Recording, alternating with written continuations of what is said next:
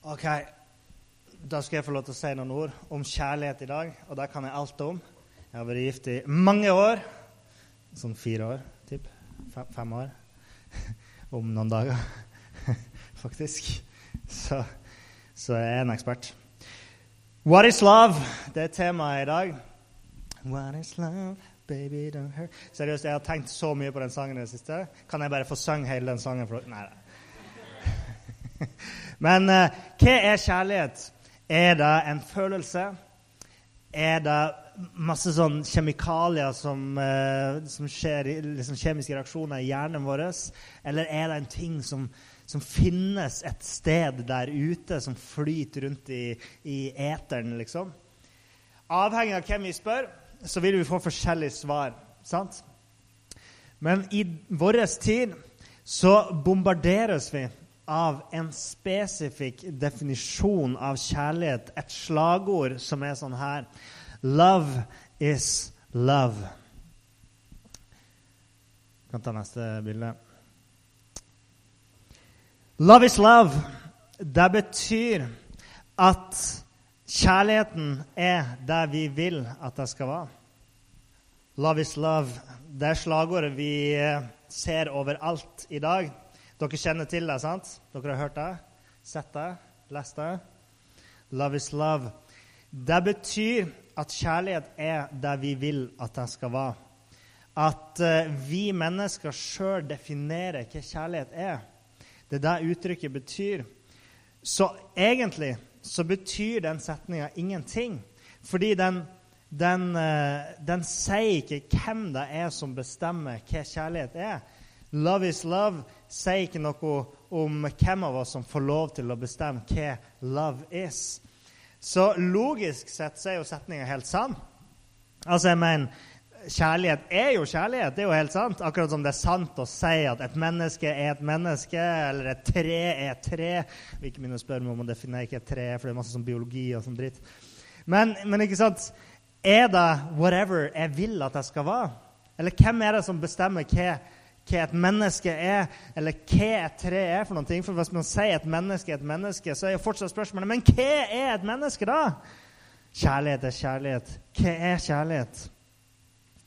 Jo, kjærlighet kan, eh, kan, bety forskjellige ting, eller det kan referere til forskjellige typer kjærlighet.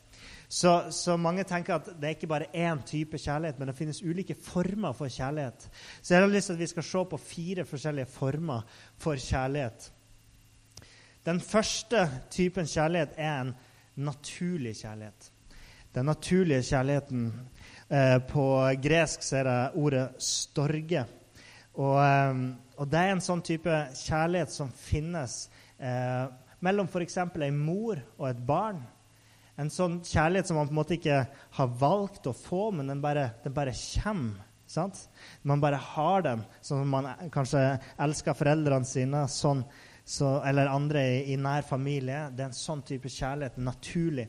Den diskriminerer ikke ut ifra hvilke kvaliteter folk har, Eh, sånn som f.eks. en mor vil kanskje elske sin sønn sjøl om sønnen sitter i fengsel ikke sant? eller har gjort noe gærent, så elsker man fortsatt barna sine. Og, eh, og så, så, det er liksom den naturlige kjærligheten. Den neste er den vennskapelige kjærligheten. En forfatter som heter C.S. Lewis, som dere selvsagt kjenner som forfatteren av Narnia-bøkene, om løven, heksa og klesskapet og de der bøkene der, han har skrevet masse bra. Han skriver om kjærlighet, eller, eller det finnes en bok eh, med liksom, utsagn fra han om kjærlighet. Og eh, Han beskrev den vennskapelige kjærligheten som den minst naturlige kjærligheten. Fordi den vennskapelige kjærligheten er ikke en kjærlighet som kommer naturlig, men det er en kjærlighet som man velger. Fordi man velger hvilke venner man vil ha. Uh, så Derfor er den lite naturlig. fordi eh, sånn som den naturlige kjærligheten, den er man avhengig av. Hvis ei mor ikke elsker barnet sitt, så er sjansen stor for at mora kanskje ikke vil ta vare på barnet sitt på en god måte hvis det ikke har den naturlige kjærligheten. Mens den vennskapelige kjærligheten er noe som vi velger. ikke sant? Som f.eks. når vi møter en person som vi har samme interesser som. Da går jo samtalen og sånn som det her. Så liker du Sesam stasjon, eller? Ja, jeg liker Sesam stasjon, jeg. Ja. Liker du eh, Liker du Sesam stasjon? Ja, jeg liker, liker Sesam Skal vi se Sesam stasjon sammen? Ja. Og så oppstår det sånn, sånn evigvarende vennskapsbånd som aldri brytes, de venner resten av livet, bare fordi de har en felles interesse. Sånn er liksom den vennskapelige kjærligheten. da. Og så er det den romantiske kjærligheten. Og Det er jo først og fremst den typen kjærlighet vi tenker på når vi snakker om Valentine's Day, sånn som vi har nå. Eh, selv om det var ikke det som var utgangspunktet for Valentine's Day. Eh, Valentin han var jo en, en uh, helgen som gjorde ting, gode gjerninger mot andre. Ikke sant? Ikke kjærlighetsgjerninger, men gode ting. Men i dag så handler det om kjærligheten til kjærestene våre, til kona eller til mann, eller sånn som når man er forelska.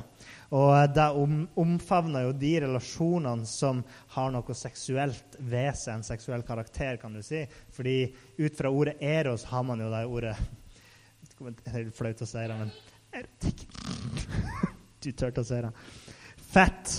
Så det er liksom den romantiske kjærligheten men det er ikke snakk om det du føler når du ser en person som du syns er heit, eller som du syns er attraktiv.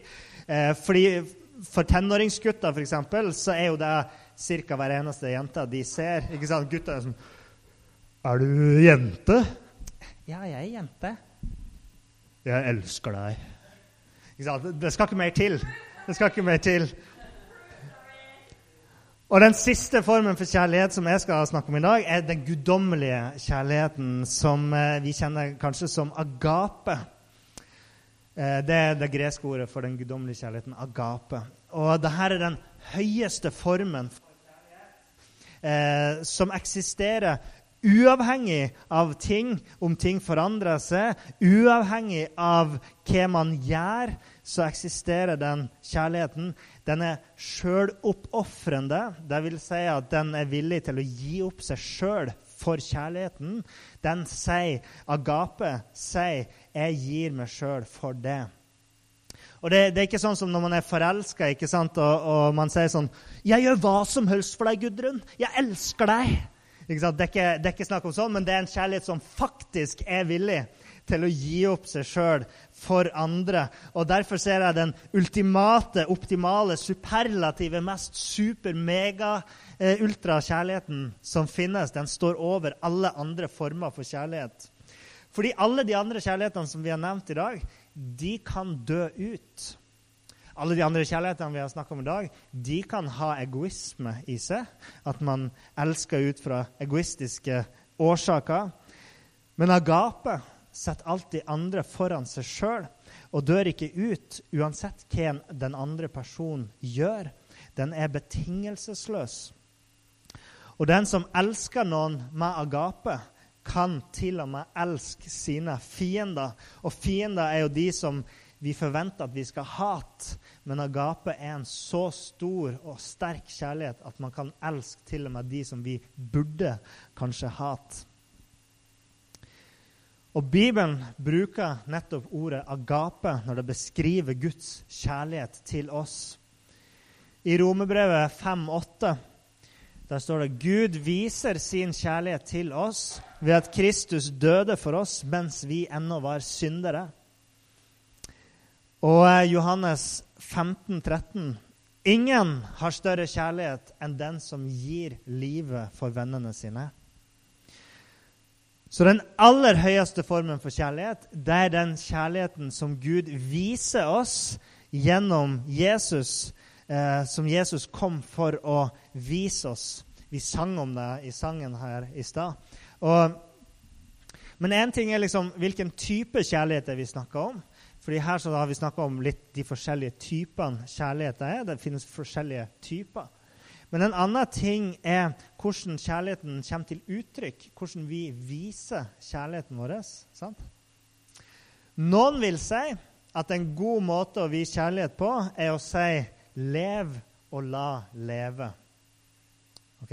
Dere har kanskje ikke hørt det, men det er en sånn måte å beskrive en, en form for kjærlighet på. Altså, du lever livet ditt sånn som du vil, og så lever jeg livet sånn som jeg vil. Hvis du virkelig elsker meg, så lar du meg gjøre det jeg vil med mitt liv. Sant? Dere har hørt denne tanken på en eller annen måte. Eh, og, og, og, det er liksom eh, litt annerledes enn en det Jesus sa. Han ga oss den gylne regel. Vi skal få se den på veggen, den òg. Jesus sa, 'Gjør mot andre det du vil at andre skal gjøre mot deg'.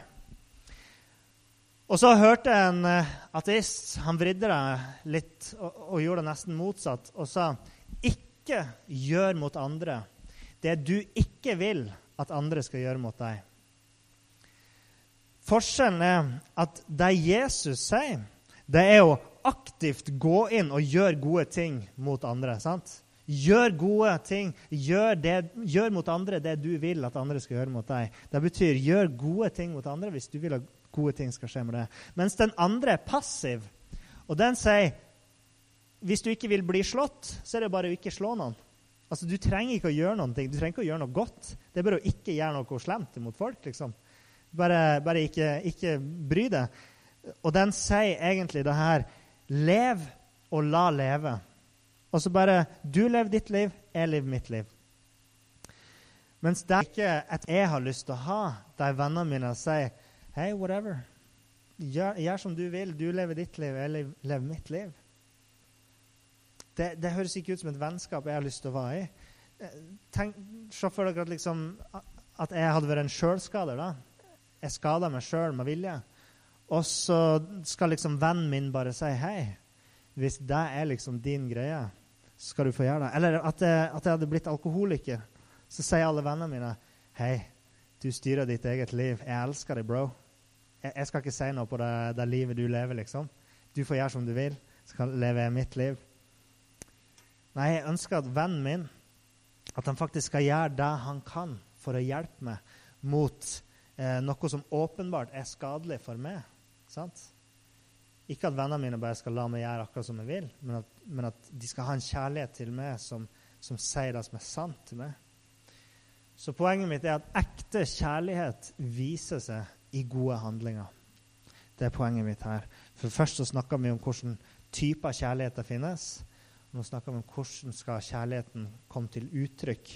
For den ekte kjærligheten må komme til uttrykk i gode handlinger. I Jakobs brev så skriver han eh, Vis med din tro uten handlinger. Vi kan gå noen eh, sider frem, eh, Jon Ole. Å oh, ja, det funka ikke. Ja. I Jakobs brev så står det 'Vis meg din tro uten gjerninger'. Og Det er egentlig ei utfordring, ei umulig utfordring, ifølge Jakob. Det er hans logikk. Hva mener han med det her? Jo, han mener du kan si at du elsker Gud. Du kan si at du tror på Gud så mye du bare vil. Men er det virkelig sant hvis du aldri viser det? Du kan si at du elsker kjæresten din. Men er det sant hvis du aldri gjør noe godt mot kjæresten din?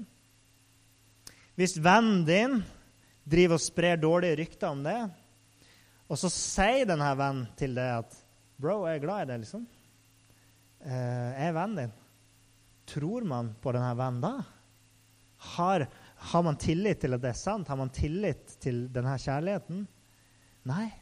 Fordi kjærligheten må komme til uttrykk gjennom gode handlinger. Og når jeg sier at, at Gud elsker det, så er det fordi at han allerede har vist oss hvor høyt han elsker oss. Han har gitt oss det ultimate eksempelet på kjærlighet. At han døde for vår skyld mens vi fortsatt var hans fiender. Vi leste det, det bibelverset i stad. Mens vi fortsatt var syndere, så ga han sin egen sønn for oss. Det betyr at vi var i en tilstand av fiendskap og opprør mot Gud. Til tross for det så sendte han sin sønn for å dø for oss. Og sjøl i dag, i kveld, så strekker Gud ut sin hånd til hver og en av oss. Og, og, helt uavhengig av hvor du befinner deg i livet nå, om du er i en tilstand der du, der du eh, liksom ikke tror eller, eller, eller, ikke vil ha noe med han å gjøre, så strekker han ut ei hånd til deg likevel og sier 'Jeg elsker deg uansett'.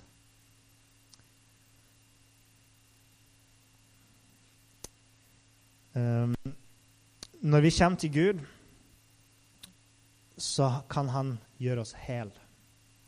Og noen ganger så sier vi om kjærestene våre Eller jeg har ikke sagt det, men noen sier det. Du gjør meg hel. Ikke sant? You complete me. Og, og det er egentlig en løgn. For det er bare Gud som kan gjøre oss hel. Altså hvis, hvis, vi liten, hvis, vi sier at liksom en kjæreste gjør oss hel, og så bestemmer kjæresten seg for å slå opp, liksom, så er det sånn Yo, kom tilbake med resten av halvparten av meg. på en måte. Det funker ikke sånn. Det funker ikke sånn. Gud gjør oss hel, og han er trofast, og han går ikke ifra oss.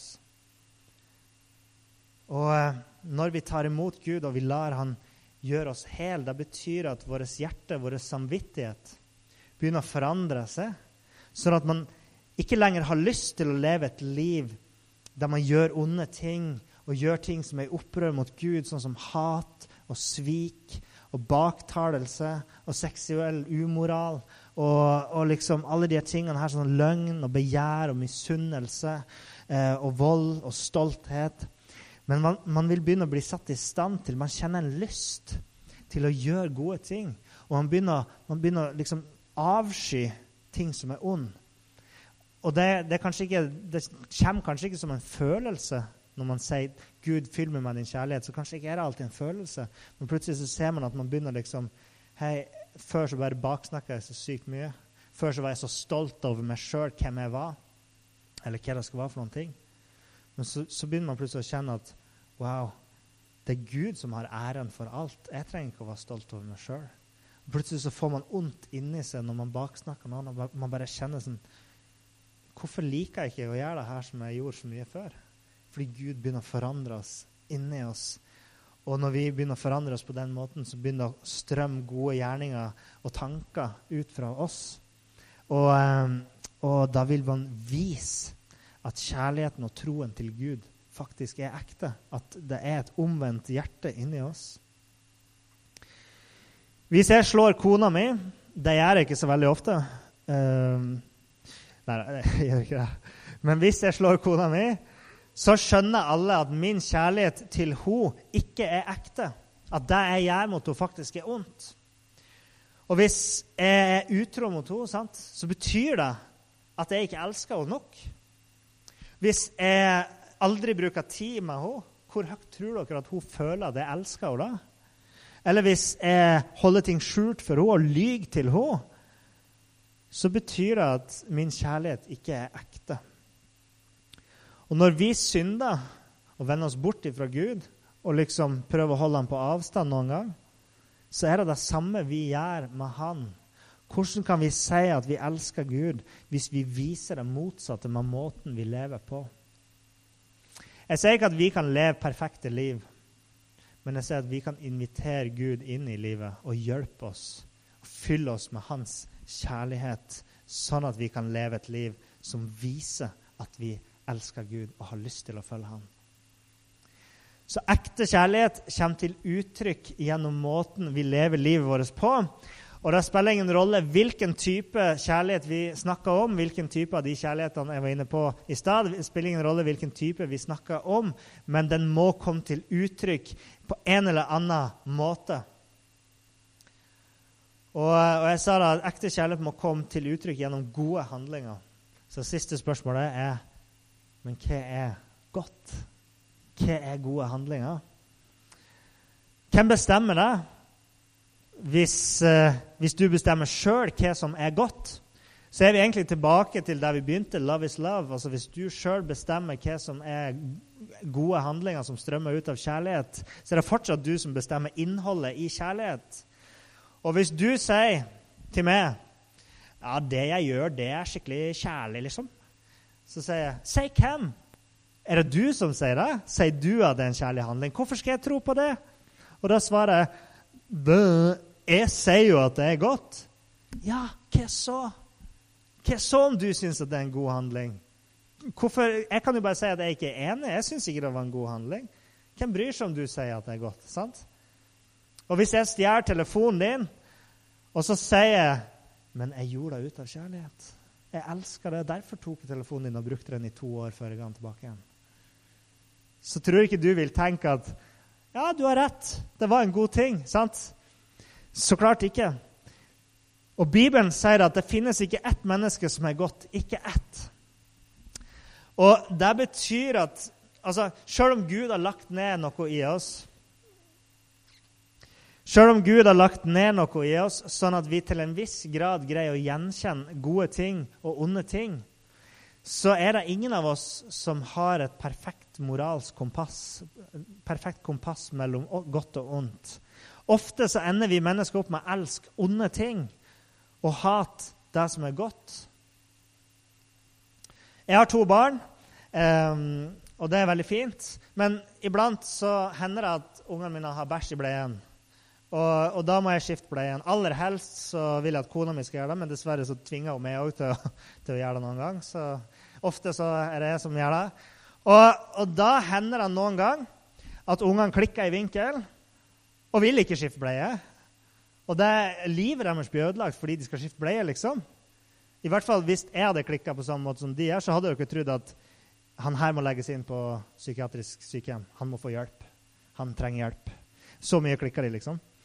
Og bør jeg da som pappa tenke Lev og la leve. Jeg elsker ungene mine så høyt at jeg vil at de skal ta sine egne valg i livet og få lov til å bestemme over seg sjøl. Og så får de se hvordan det går. Det hadde, det hadde noen vært litt deilig å bare ta sånn Jeg driter i det. Bare få det som du vil. Du kan ha det som du vil. Se hvordan det går. liksom. Men så klart gjør man ikke det, fordi man elsker dem. Og hvis foreldrene dine sier at du må gjøre lekser, er de onde når de sier det? Selvsagt er de onde. Hvordan kan foreldre gjøre noe sånt mot ungene sine? Tving de til å gjøre lekser! Nei da. Men når foreldrene ber ungene sine om å gjøre lekser, så er det fordi at de vet at resultatet av at dere gjør lekser, er at dere blir flinkere, dere blir smartere, dere blir kunnskapsrike, og dere vil ha en lysere framtid i møte. Hvis man kaster bort livet sitt på Netflix, så, så kommer det ikke til å, til å, gå så bra til slutt.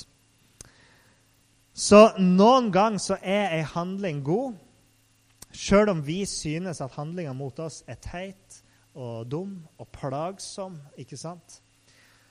Og Jesus og disiplene hans de gikk rundt og fortalte folk sannheten. Noen ganger er sannheten hard å høre. Og folk eh, folk ble så sint av å høre sannheten. fordi når Jesus snakka sant om vårt liv, så stikker det veldig. Fordi vi ser plutselig i, i, hans lys så ser vi at det er mørke inni oss, og vi skjønner at det er noe inni oss som må forandre seg. Noen må forandre det som er inni oss, for at lyset skal komme inn i hjertet. Og Noen ganger så fylles vi med opposisjon. Vi går i forsvar. Og vi angriper lyset, for vi sier 'Jeg har et mørke her. Jeg vil, jeg vil ikke ha lys på meg'. Og der skjedde med folk. Noen folk ble så sint av at Jesus avslørte mørket i dem, at de ville ta livet av Jesus og disiplene hans. Så hvordan vet vi hva som er godt, og hva som er kjærlig? Jo, det finner vi i Gud. Gud er selve definisjonen på den ultimate kjærlighet. Og det største eksempelet på Guds kjærlighet er Jesus, som viste oss, sånn at det ikke bare skulle være ord, at Gud ikke bare sa at han var kjærlighet, men han viste oss hva kjærlighet er, sånn at vi kan se sann kjærlighet når vi leser om Jesus i Bibelen. Hør hva Johannes skriver i, i 1. Johannes brev, kapittel 4, fra vers 7. Mine kjære, la oss elske hverandre. For kjærligheten er fra Gud. Og hver den som elsker, er født av Gud og kjenner Gud. Den som ikke elsker, har aldri kjent Gud, for Gud er kjærlighet.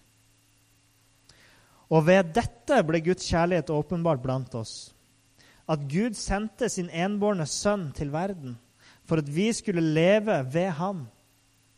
Ja, dette er kjærligheten ikke at vi har elsket Gud, men at Han har elsket oss og sendt sin sønn til soning for våre synder. Mine kjære, har Gud elsket oss slik, da skylder vi å elske hverandre.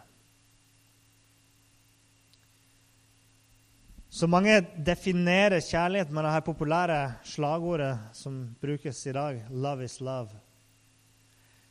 Men det er egentlig meningsløst uten at vi gir det et meningsfullt innhold.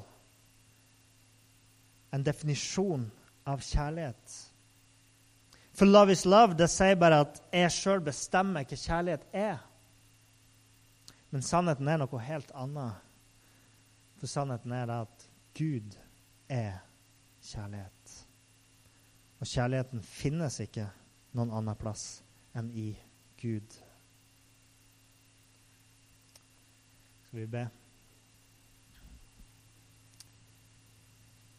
Himmelske Far, jeg takker deg sånn for den kjærligheten som du har vist oss og gjort det så håndgripelig for oss at vi bare kan lese i Bibelen og se hva kjærlighet er for noen ting. At du sendte den, din sønn Jesus til å dø for oss, så vi kunne få se det ultimate eksempelet på kjærlighet. En kjærlighet vi ikke kan forstå. At, at du kunne komme ned hit for å dø for millioner og milliarder av mennesker som, som ikke ville ha noe med det å gjøre. Men du elsker dem så høyt at du ville komme ned og redde dem og kall dem tilbake inn i din kjærlighet. Herre Far, jeg ber for oss alle at vi skal få lov til å ta imot den kjærligheten. At vi ikke skal få lov til å le av din kjærlighet fordi vi ikke har opplevd den, men at vi skal få lov til å kjenne deg inni oss. At ikke vi skal få lov til å spotte det lenger, og spotte din kjærlighet. Men jeg ber om at vi skal få lov til å oppleve den sjøl. Så vi får åpne øynene våre og innser at wow, din kjærlighet er sann kjærlighet. Din kjærlighet er virkelig. Din kjærlighet påvirker vårt liv. Herre Far, la din kjærlighet komme over oss nå ved Den hellige ånds kraft. Fyll våre hjerter til omvendelse, til tro på evangeliet, til tro på det, til sann etterfølgelse i kjærlige ord, kjærlige tanker og kjærlige gjerninger, Herre. Vi ber om en vekkelse blant ungdommer i bygda vår fordi at din kjærlighet blir synlig gjennom oss. Takk, far, for at du gir oss nåde og kjærlighet og utrustning til å leve et liv som er verdig oss som sier at vi er kristen og bærer ditt navn ute i verden.